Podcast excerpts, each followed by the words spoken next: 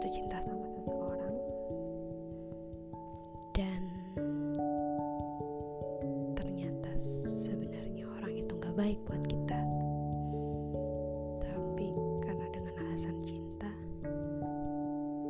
lagi-lagi kita egois sama diri kita sendiri. Atau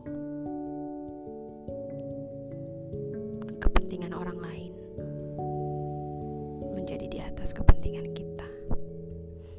Ya lagi-lagi kita egois sama diri kita sendiri.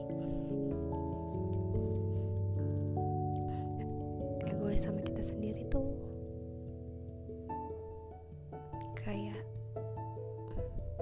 kamu toksik tapi sebenarnya bukan dari orang lain tapi karena kamu sendiri ya gak sih